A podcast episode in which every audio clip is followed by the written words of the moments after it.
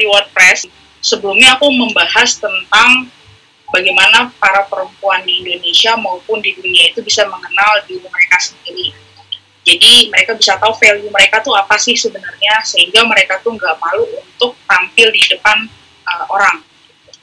Nah, hari ini kita akan membahas tentang people pleaser. Kalau secara umum uh, dari Google, di sini aku ambil sumbernya dari uh, eh, IDN Times. Kalau untuk people pleaser sendiri, itu artinya orang yang selalu ingin menyenangkan orang lain. Dan menomor dua kan keinginan sendiri, walaupun kedengarannya positif, tapi menjadi seorang people pleaser itu ternyata uh, bisa menjadi hal yang negatif. Dan people pleaser juga itu sempat dikemukakan oleh beberapa ahli. Ini aku angkat dari uh, eh, Dr. Annette Clancy. Beliau itu konsultan organisasi sekaligus peneliti di Organizational Behavior dari Irlandia. Jadi beliau mengatakan bahwa people pleaser ini adalah orang-orang yang menginginkan perhatian dan validasi eksternal dan juga pengakuan dari grupnya atau dari lingkungannya. Aku nggak usah lama-lama lagi, jadi aku langsung panggil ya teman aku yang udah terkenal di dunia nyata maupun gaib. Udah bercanda John. John, Nes, Nes, muncul Nes. Tada. Nes, aku panggil apa nih? John Nes apa? John, Jones atau apa nih? Jo juga boleh sih kak, Jo aja, Jo panggilnya pas koi koi koi Jo aja Jo aja Jo aja. Eh, Jon ya. Jones gimana gimana? Kemarin itu gue ngeliat di uh, feed Instagram lo. Itu lo sampai bikin luar biasa ya. Udah kayak novel. Kenapa gak jadi penulis aja sih lo? Lo sampai bikin tuh ada part 1, part 2, sampai part 3, Nes. Baru gue upload part 4 tadi. Ya eh part 4 ya? lo baru, baru upload ya? iya luar biasa. Makasih lo Nes. Nah sebelumnya gue pengen nanya Nes. Yang bikin lo tiba-tiba upload soal people pleaser tuh di Instagram lo itu karena apa? Karena pengalaman pribadi lo karena teman dekat lo curhat ke lo nggak mungkin iseng menurut gue ya. Jadi jawabannya coba Nes lo jelasin Nes. Ini dasarnya lo ngupload ini tuh kenapa Nes? Gua pengalaman sih pengalaman pribadi dan pengalaman pengalaman, pengalaman pribadi dan pengalaman banyak teman-teman cerita gue hmm? jadi ya gue tipe yang kalau malam tuh suka mikir. Gue kalau malam tuh udah mikir tuh jam 12 malam tuh udah waktunya gue mikir tuh. Nah, gue mikir. Gue mikir kayak mikir oke. Okay. hmm, pas banget gue di main tiktok pak gue lagi main TikTok terus? terus ada ada ada ada konten ada cewek ngebahas tentang people pleaser juga terus gue bilang ini okay. kok agak relate gitu ke gue gitu ke relate ke gue dan ke ada temen temen temen gue ada temen-temen gue maksudnya ada temen-temen gue yang sering cerita kalau gue bagus gak sih pakai baju kayak gini gitu dan gue secara nggak langsung juga gue kadang suka kayak gitu kayak minta pendapat orang bagus gak ya gue kalau kayak gini kalau kayak gini gue menurut lo gimana? Bahkan gue sempet ada di posisi di mana gue kalau mau ngupload postingan di IG gue nanya ke orang. Ah serius? Makanya kalau dibilang konten gue bisa apa konten people pleaser gue bisa sampai sebanyak itu ya karena kurang lebih ya relate ke gue juga. Karena gue sampai se overthinking itu buat apa namanya buat mikir apa kayak ih cocok gak sih kalau gue upload kayak gini kalau sampai lo mau posting di sosial media lo sendiri username-nya juga username lo sendiri bukan fanbase ya bukan Jones fanbase gitu ya. Lo sampai harus minta lo nanya ke orang gitu kira-kira kalau gue ngupload ini gimana gitu. Iya. Pernah yang gue... mendasari lo itu apa? Ya kayak cocok gak sih? Gitu. Loh sesimpel itu sih jawaban gue kayak Sesimpel itu jawaban gue kayak cocok nggak ya kalau misalkan gue upload kayak ginian? gue pernah sempet nanya gitu. Sampai akhirnya gue berubah beralih jadi akun konten. Hmm. karena kayak gitu karena gue sendiri yang ngerasa hidup gue downgrade banget. Kayak wah kalau gue begini terus gue gak akan bisa berkembang. Jadi ibarat tuh Instagram gue jadi tempat self healing gue kak. Ini part yang pertama lo uh, ada bilang kalimatnya gini um, biasanya kita kesulitan kalau disuruh nyebutin kelebihan apa yang kita miliki dan bakalan gampang banget buat nyebutin semua kekurangan kita. Jadi gini, uh, gue sempet di pengalaman gue sama pengalaman teman-teman gue lagi. Jadi kayak gue jam dua waktu itu malam lagi habis nonton konten yang ada di TikTok. Gue ngerasa kayak, lah ini dia lagi bahas tentang talenta. Dia bahas tentang talenta yang gue inget terus akhirnya gue bilang apa gue gue inget gue suka nulis kak. Gue jadi suka nyatet nyatet gitu di note di note hp jadi kalau ada sesuatu yang menurut gue bagus gue catat dulu di situ. Nanti malamnya gue kembangin. Nah akhirnya malamnya okay. tuh gue kembangin. Aku bahas people pleaser kali ya. Bahas gue bahas uh. people pleaser habis itu gue langsung mulai dengan kata ya gitu tadi yang awal pembuka dari part 1 itu. Karena pasti banyak banget kan kayak kalau orang-orang ditanya apa kelebihan lu? Dia malu dia takut dikatain. Jadi so banget lu so iya lu. Karena gue gue pun sendiri kayak gitu kalau misalkan dibilang disuruh nyebutin kelebihan gue gue pasti kayak ngerasa ah gue mah apa tuh? Ampas den kau. Tuh, tuh, itu itu ada ya di, di part satu jadi hmm. Lo udah bilang apa banget sih lo? So iya. Harusnya lu tuh begini bukan begitu itu kalimat-kalimat yang biasa orang sebutin ya. Dan itu akhirnya bikin biasanya dari kalimat itu orang tuh jadi kayak ngerasa down terus kayak ngerasa oh berarti gue salah ya? Oh gue gak boleh gitu ya? Eh gue harus gimana? gitu. Kita tuh kayak tenggelam dalam stigma gitu loh kak. Mm-hmm. menurut gue kayak stigma yang kayak gini tuh yang jadinya kayak apa sih? Nggak apa-apa kali udah lu nggak usah ngomong-ngomong masalah kelebihan lu karena kalau lo ngomongin kelebihan lu berarti tuh sombong. Oke okay. sombong ya Wak. Sombong oke. Okay. semenjak itu lo nggak mau uh, share ke orang-orang bahwa lo punya talenta apa lo punya kelebihan apa karena lo takut orang akan merespon demikian. Kalau sekarang udah enggak kalau sekarang ya sekarang udah enggak tapi waktu itu ngerasain itu. Iya dampak menjadi people pleaser. Itu yang pertama mental health. Nih ya kalimat lo itu poin pertama lagi ya. Mental health lo akan keganggu. Lo bakal uh, anxiety dan bahkan dan bahkan lo bisa dibuat depresi terus-terusan karena lo terlalu overthinking terhadap atau tentang apa yang orang lain akan pikirin tentang lo, lo pernah ngerasain itu emang? Uh, sebenarnya kalau masalah kayak anxiety, depresi itu nggak bisa kita self diagnosis karena itu harus uh, sangkut pautin sama sama psikolog atau psikiater. Cuma kalau misalkan yang gue hmm. paling masuknya ke tahap overthinking. Tapi lo nggak nggak nggak ada keluhan dalam artian kayaknya mental gue keganggu nih atau apa gitu keluhan yang lo rasain gitu nggak masih dalam tahap wajar lah ya. Sebenarnya sempet sempet nggak wajar sih.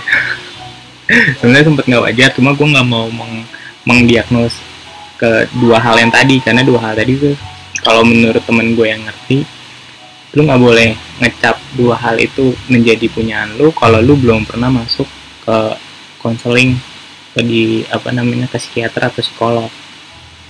Kayak gitu nah karena gue belum pernah gue belum pernah konseling kayak gitu gitu ya gue nggak nggak berani gitu kalau gue bilang kalau gue tuh kayak gitu kayak gitu. Tapi kalau misalkan dibilang gue resah dan gue overthinking iya gue pernah kayak gitu sih. Itu berapa lama sih lo ngalamin yang uh, istilahnya uh, menjadi sosok atau uh, peran lo sebagai people pleaser itu berapa lama ada di situasi itu? Kayaknya gue SMA deh dari SMA. Sekarang umur lo berapa? dua. Berarti sekitar 6 sampai 7 tahun lo ngalamin itu. Iya. Itu lama loh, Wak. 6 7 tahun jadi di posisi itu.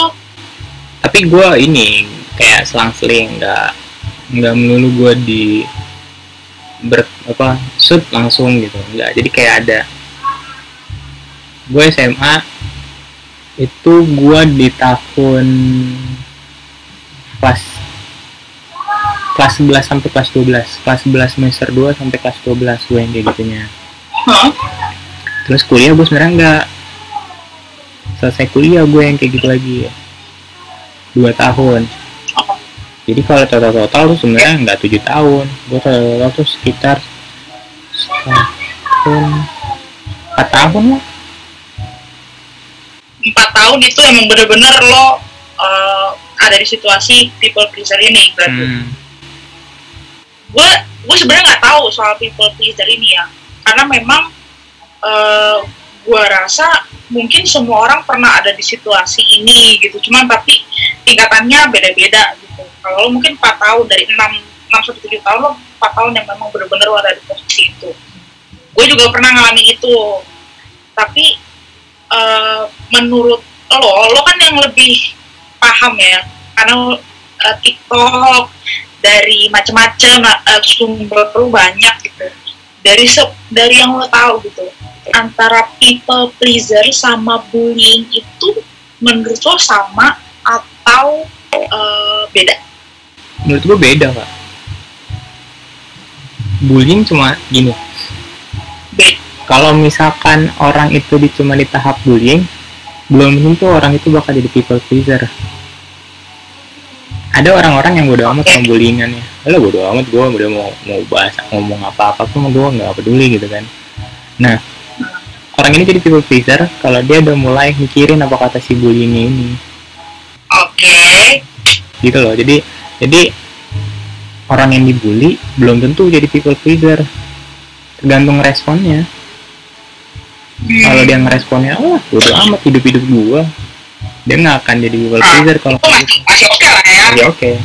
Orang yang jadi people pleaser kalau misalkan di tahap dia udah dibully terus dia mikirin dia nggak mau kehilangan orang ini orang yang dia sayang.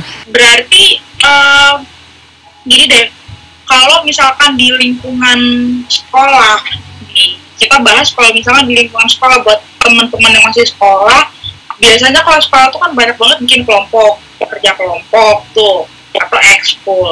Let's say um, misalkan eh, gue menjadi diri gue sendiri terus gue ikutlah beberapa ekskul atau gue bagi kelompok lah di kelas gue.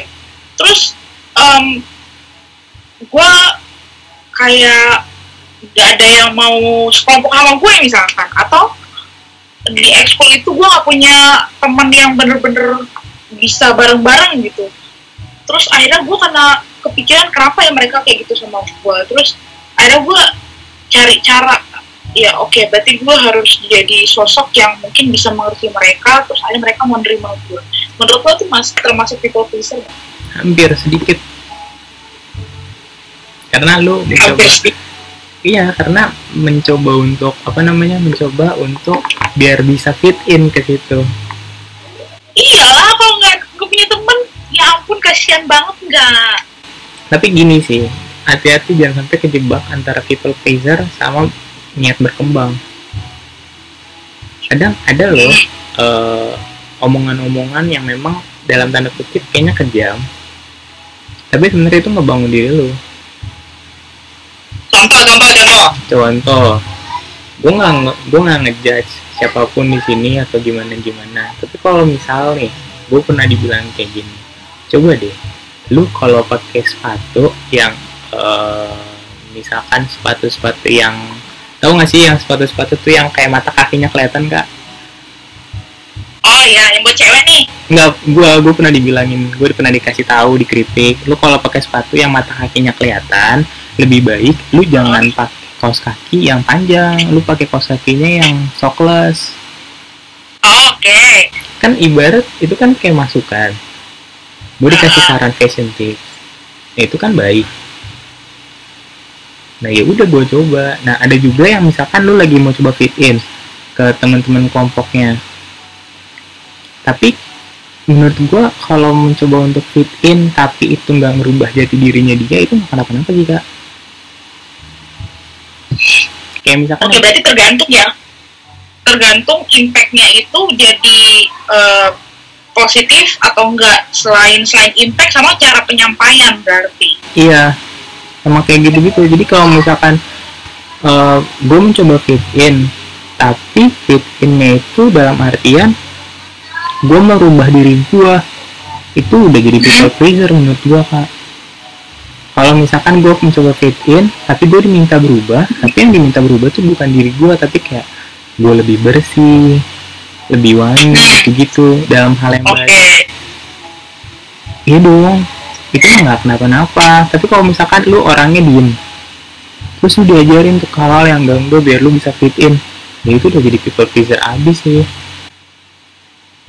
Oke, tapi mungkin ada banyak orang di luar sana yang SMA biasanya atau SMP em, yang mungkin mengalami itu gitu, yang istilahnya orang-orang bilang kan masa-masa remaja itu masa-masa yang eh, menyenangkan, yang enak ya, tapi mungkin ada beberapa di antara kita yang nggak mengalami masa-masa itu karena eh, jadi korban bullying kah, atau karena nggak punya teman seasik yang lain kah atau karena apa-apa gitu kan banyak gitu.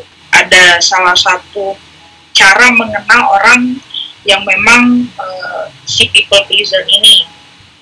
Itu salah satunya merasa nggak nyaman kalau ada orang yang marah Hmm. sama dia.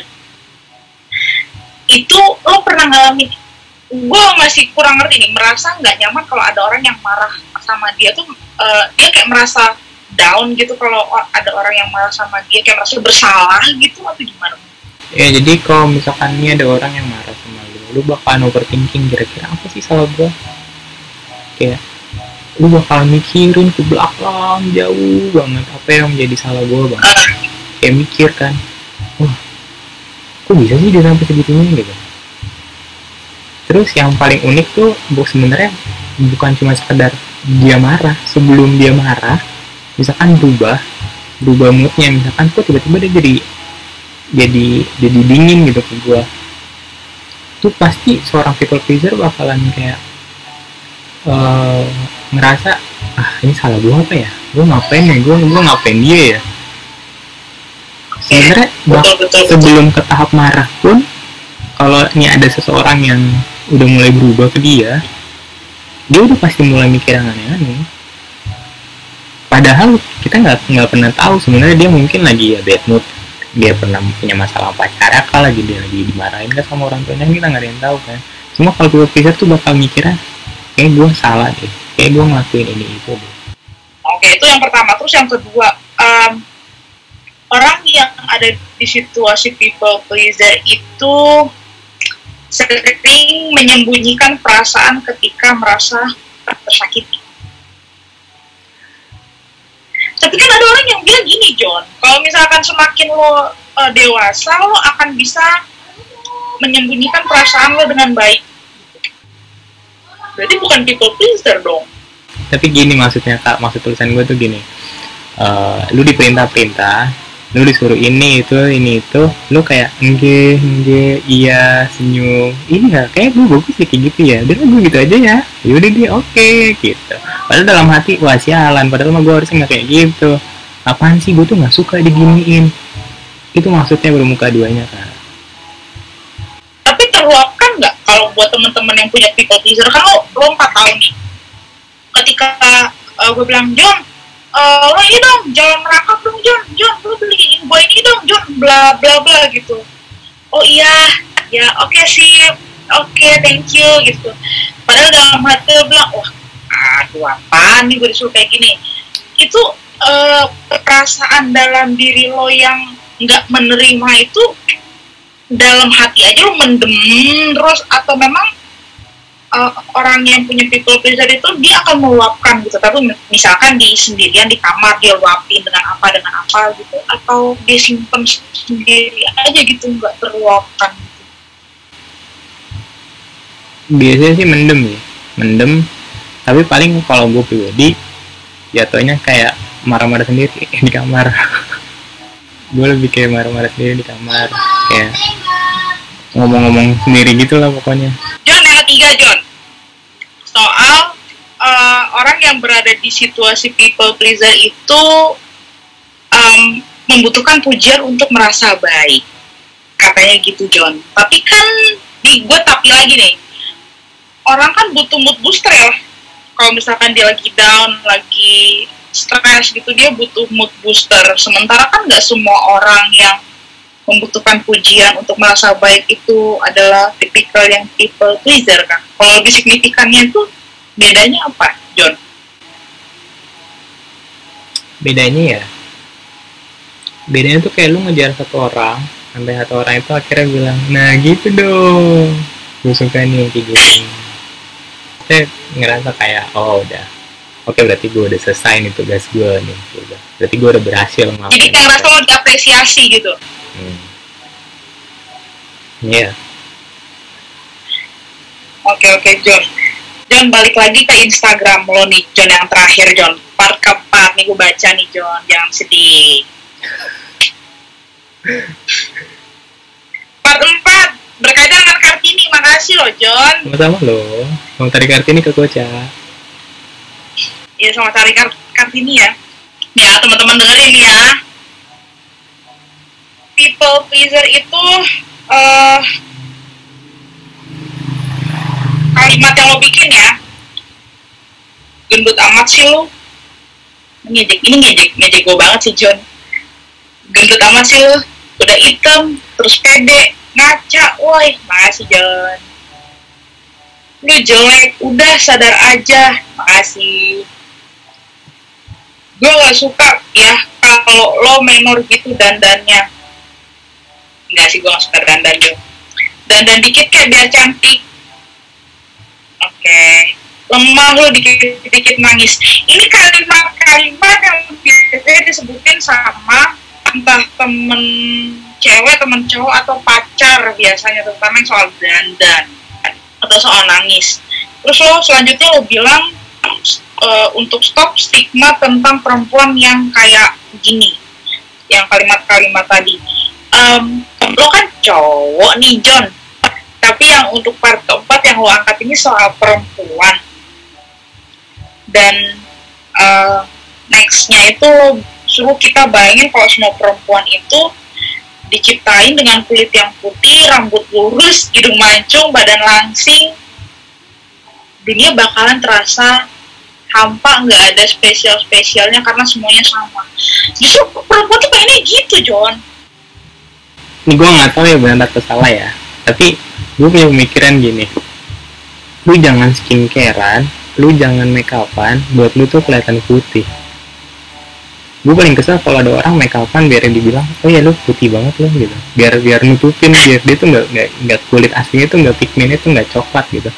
Jadi dia berusaha untuk skincarean berusaha dia untuk make upan. Jadi untuk nutupin kalau dia tuh kulitnya gelap dan dia malu sama kulit gelapnya gitu. Gue nggak menutup kemungkinan kalau misalkan kalau memang nih orang-orang suka skincarean suka make upan itu it's okay kak tapi jangan sampai kehilangan esensi makeup sama skincare ini. Skincare kan buat ngebersihin. Apa kita skincarean buat ngilangin komedo. Itu kan bersih. Kita ngerawat tubuh kita biar kita bersih. Tapi ada banyak orang yang masih mikir tuh skincare atau makeup tuh cuma sekedar biar gue putih. Jadi idealnya tuh kalau cakep tuh putih. Padahal kalau gue pribadi kalau misalkan udah cukup bersih ya udah itu pigmen asli lu gitu. Kayak lu ngerawat biar nggak jerawatan ngerawat nggak komedoan ngerawat biar wangi make upan biar uh, mukanya lebih lebih apa ya lebih rias lah atau lebih lebih lebih bercahaya. Tapi jangan sampai kayak mencoba untuk mengubah kulit lu. Makanya kan kalau orang pakai makeup harusnya pakai foundation yang sesuai sama skin tone-nya kan karena ada orang-orang yang maksain skin tone-nya tuh taikin biar dia putih. Gue sebagai cowok juga nggak terlalu suka kok kalau misalkan yang putihnya putih maksain. Ya kalau emang udah naturalannya gitu ya kayak gitu. Karena kan gini sih ya jujur ya gue sebagai cowok juga nggak munafik gitu kan. Pasti pengen ngeliat yang lebih cakep. Tapi bahkan ada habisnya kok kalau ngatain kayak gitu. Di atas awam pasti hmm. dia terus-terusan ada kan terus-terusan banyak lagi yang lebih-lebih. Nanti otak gue makin pusing. Gak akan pernah puas sama pasangan gue jadi gue lebih belajar untuk melihat ini orang dalamnya kayak gimana sih? Kayak ayo sadar gak sih? Lu lu bersumah bersumah pengen jadi putih biar kelihatan cantik tapi dalam lu tuh jelek banget gitu. Gue paling gak suka sih kan ini juga gue nggak bosan-bosan ngingetin ke semua ke semua teman-teman perempuan juga gitu karena terlepas kenapa gue bisa ada keinginan ini karena gue pernah mengalami yang namanya bullying pernah. Gue pernah uh, ngalami yang gak enak gak enaknya sebagai perempuan tuh enak ada dalam artian gue badan gue berisi lah gue nggak bilang nggak uh, bilang uh, gemuk ya berisi lah ya. Terus nggak tinggi tinggi amat juga buka nggak mulus mulus amat gitu ya. Jadi gue pernah mengalami uh, bullying atau mungkin body shaming atau apa pun lah sampai akhirnya gue menganggap semua itu kayak bercanda aja gitu. Kayak ya udah gitu bawa tidur juga lupa gitu. Nah tapi kan mungkin nggak semua perempuan bisa kayak gitu. Nggak bisa semua perempuan bisa enjoy aja gitu dibawa tidur terus lupa gitu. bisa aja kepikiran terus. Nah uh, mungkin kalau ada teman-teman di sini yang perempuan yang nonton atau yang uh, lagi dengerin podcastnya lebih ke arah gue setuju sih sama si uh, John ini bahwa uh, value atau nilai perempuan tuh nggak sekedar seberapa mahal skincare lo ya nggak sih? Nggak nggak tergantung seberapa mahal outfit yang lo pakai tapi tergantungnya gimana sikap lo karakter lo sebagai perempuan memang dari dalam lo itu baik atau enggak ya itu akan terpancar keluar dan orang akan bisa menilai sendiri gitu. Ya setuju gak sih John? iya lah setuju banget tuh. Gue kayak percuma banget ya yes. ngeliat ada cewek cakep ternyata value apa value hidupnya nol. Ya iyalah gue udah langsung ngejauhin sih. Kita bukan yang menjudge bahwa orang yang pakai skincare itu oh berarti lo pengen putih ya pengen menyenangkan orang. Cuman lebih ke arah buat keperluannya kebutuhannya lo pakai skincare itu untuk apa? Misalkan untuk supaya merawat uh, muka supaya nggak jerawatan mungkin ada yang sensitif misalkan ada komedo-komedo bisa bersihin tapi bukan goalsnya itu bukan supaya lo terlihat putih dan cantik tapi untuk merawat diri gitu yeah, kali ya. yeah. gini sih kak kalau gue ya gue gue pribadi takarannya lebih lu udah dikasih nih kasih tubuh sama Tuhan respon lo apa sih? Ya lu ngejaga dong. Nah yang ngejagain itu dengan cara apa? Ya lu skincarean. Lu hidup sehat. Kan itu salah satu cara lu bersyukur cara cara kita apa bersyukur cara ngejaga diri. Ya gue merawat diri gue itu sebagai bagian gue rasa syukur gue ke Tuhan. Mungkin lebih diatur ke value ke mindsetnya aja sih kalau untuk masalah-masalah kayak gitu. Bukan berarti lu melarang lu nggak boleh make upan ya lu nggak boleh skincarean ya. Enggak gue masih gue juga malah gue malah skincarean kali ya Allah ya aku ya ampun Iya betul betul. Iya, jadi Tapi kayak... lebih yang paling murah kalau skincare mahal jangan sedih say. Men, uh, tidur yang cukup 6 sampai delapan jam kalau tidur iya. malam, banyak minum air putih, jaga pola makan, olahraga tuh gratis. Iya, makanya kan. Nih, nih, nih paling banyak kan yang tadi dibilang di awal adalah masalah gendut-gendut kan. Nah, gini aja deh, kalau misalkan mau berubah pengen kurus atau gimana jangan berubah karena biar lu nggak dikatain gendut atau ah, notabene jelek gitu. Nggak gitu. Tapi kalau misalkan memang pengen berubah ya pengen, biar pengen hidup sehat. Ternyata di udah konseling ke dokter ternyata di dalam tubuh yang banyak lemaknya harus ada banyak kolesterol atau kayak gini kayak gini mengganggu ke jantung ya makanya lu harus hidup sehat mungkin dikurangin lah. Kan masalahnya ke masalah obesitas bukan masalah gendut lu ya kan enggak lah. Kadang malah yang lebih ber yang berisi yang satu ada dari situs website nih gue ambil nih dari halosehat.com kalau kita mau keluar dari zona atau ranah people pleaser ini kuncinya itu yang pertama itu hargai diri sendiri. Jaga keseimbangan dalam hubungan sosial sama kita harus berani untuk menolak tapi bukan karena jahat. Ini tiga tiga poin yang menurut aku paling paling ngena ini ini menarik sih? Menolak bukan berarti jahat. Berarti ketika lo bilang enggak. Kok gitu sih. Kenapa sih? Kok enggak sih? Jadi kayak seolah tuh orang kalau bilang no enggak no way. Itu kayak negatif gitu konotasinya gitu. Nah uh, ini poin terakhir sih uh, kunci kalau orang mau keluar dari uh, situasi people pleaser dia harus berarti bilang enggak. Sesimpel itu padahal gampang cuma bilang enggak. Nggak bisa karena lu bakal mikir bukan bilang nggak bisa ya maksudnya gini kenapa dibilang belajar untuk bilang enggak? Karena sebenarnya untuk orang-orang yang people pleaser itu bakal susah banget. Karena dia mikir kak ke depannya. Oh gue bakal kehilangan dia. Sebenarnya intinya gitu sih kak. Dia nggak mau kehilangan. Kalau dari beberapa artikel yang gue baca tuh lebih kebanyakan tipikal orang yang tuh nggak enakan. Dia bilang enggak tuh kayak susah ge. Terus udah itu hobinya tuh suka minta maaf gitu. Maaf sorry itu gimana ya gitu. itu kayak udah udah nggak bisa bilang enggak. Udah gitu hobinya minta maaf lagi. Iya. jadi kayak kayak ngekor ke mana orang gitu ah aku ikut deh gitu. Walaupun dia merasa bahwa I'm not okay gitu. Gue nggak gue nggak nggak sehat-sehat aja gitu. Tapi dia tetap ikut gitu. Kasihan ini banget gak sih ya kan sama aku tipikal orang kayak gitu.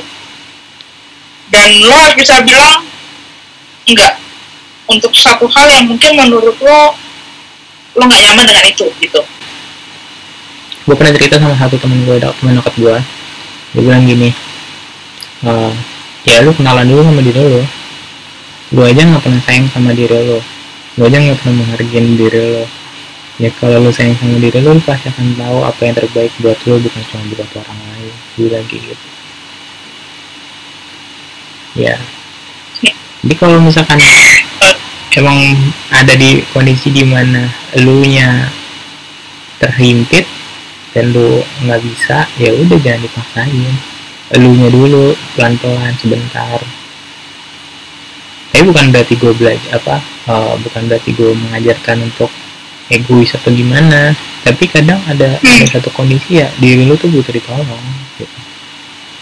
jangan lalu jangan lu lu nolong di di orang lain tapi diri lu sendiri aja ternyata duan yang perlu ditolong gitu. Loh uh, di lingkungan kerja tuh kayak uh, biasanya ada beberapa temen gue yang ngeluh gini sebenarnya itu bukan job desk lo tapi lo disuruh ngerjain itu. Entah sama divisi mana atau sama bosnya atau sama siapa lo disuruh ngerjain itu. Oke okay lah pertama masih oke okay, kerjain kedua kali oke. Okay. tapi lo ada itu terus harus lo kerjain padahal bukan job desk lo terus ada lo ngeluh. Ngeluhnya ke orang nih karena lo nggak bisa mengucapkan ah saya nggak mau nggak bisa gitu. padahal kan nggak nggak nggak dalam artian diskusi kita malam hari ini nggak nggak bukan mengajarkan buat teman-teman harus ngomong ya nggak gue nggak mau. Nggak gitu ada ada caranya penyampaiannya kan gitu. Untuk menyampaikan itu mendeliver pesan pesannya juga ke orang.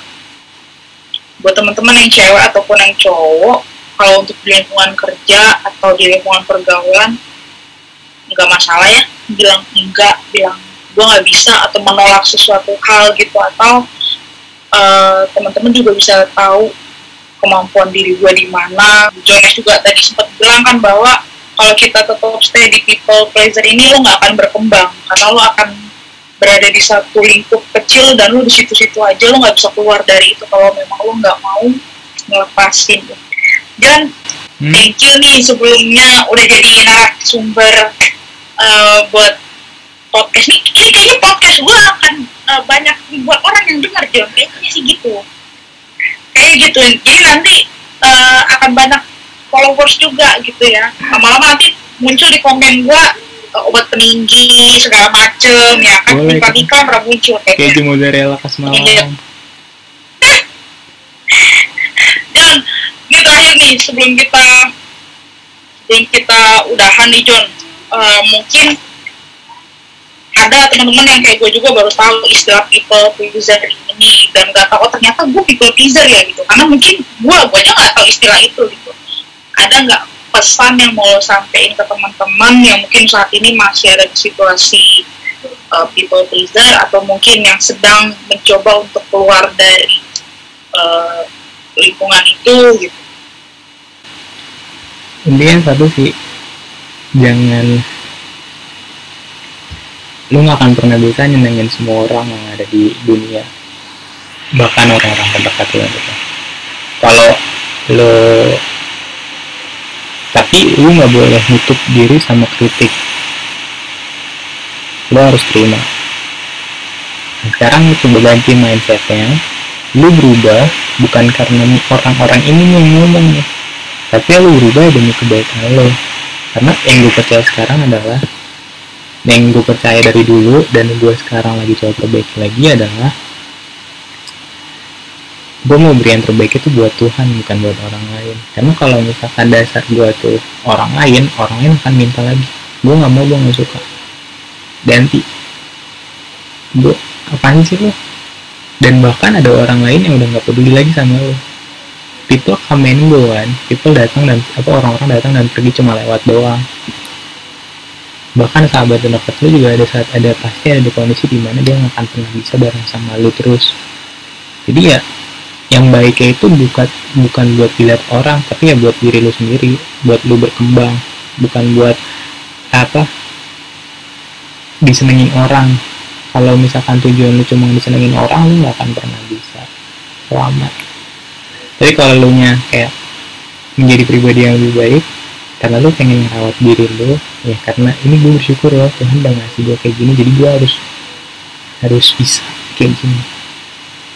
Jadi jangan overthinking sama apa kata orang tapi lu pikirin aja Tuhan lu maunya apa buat lu.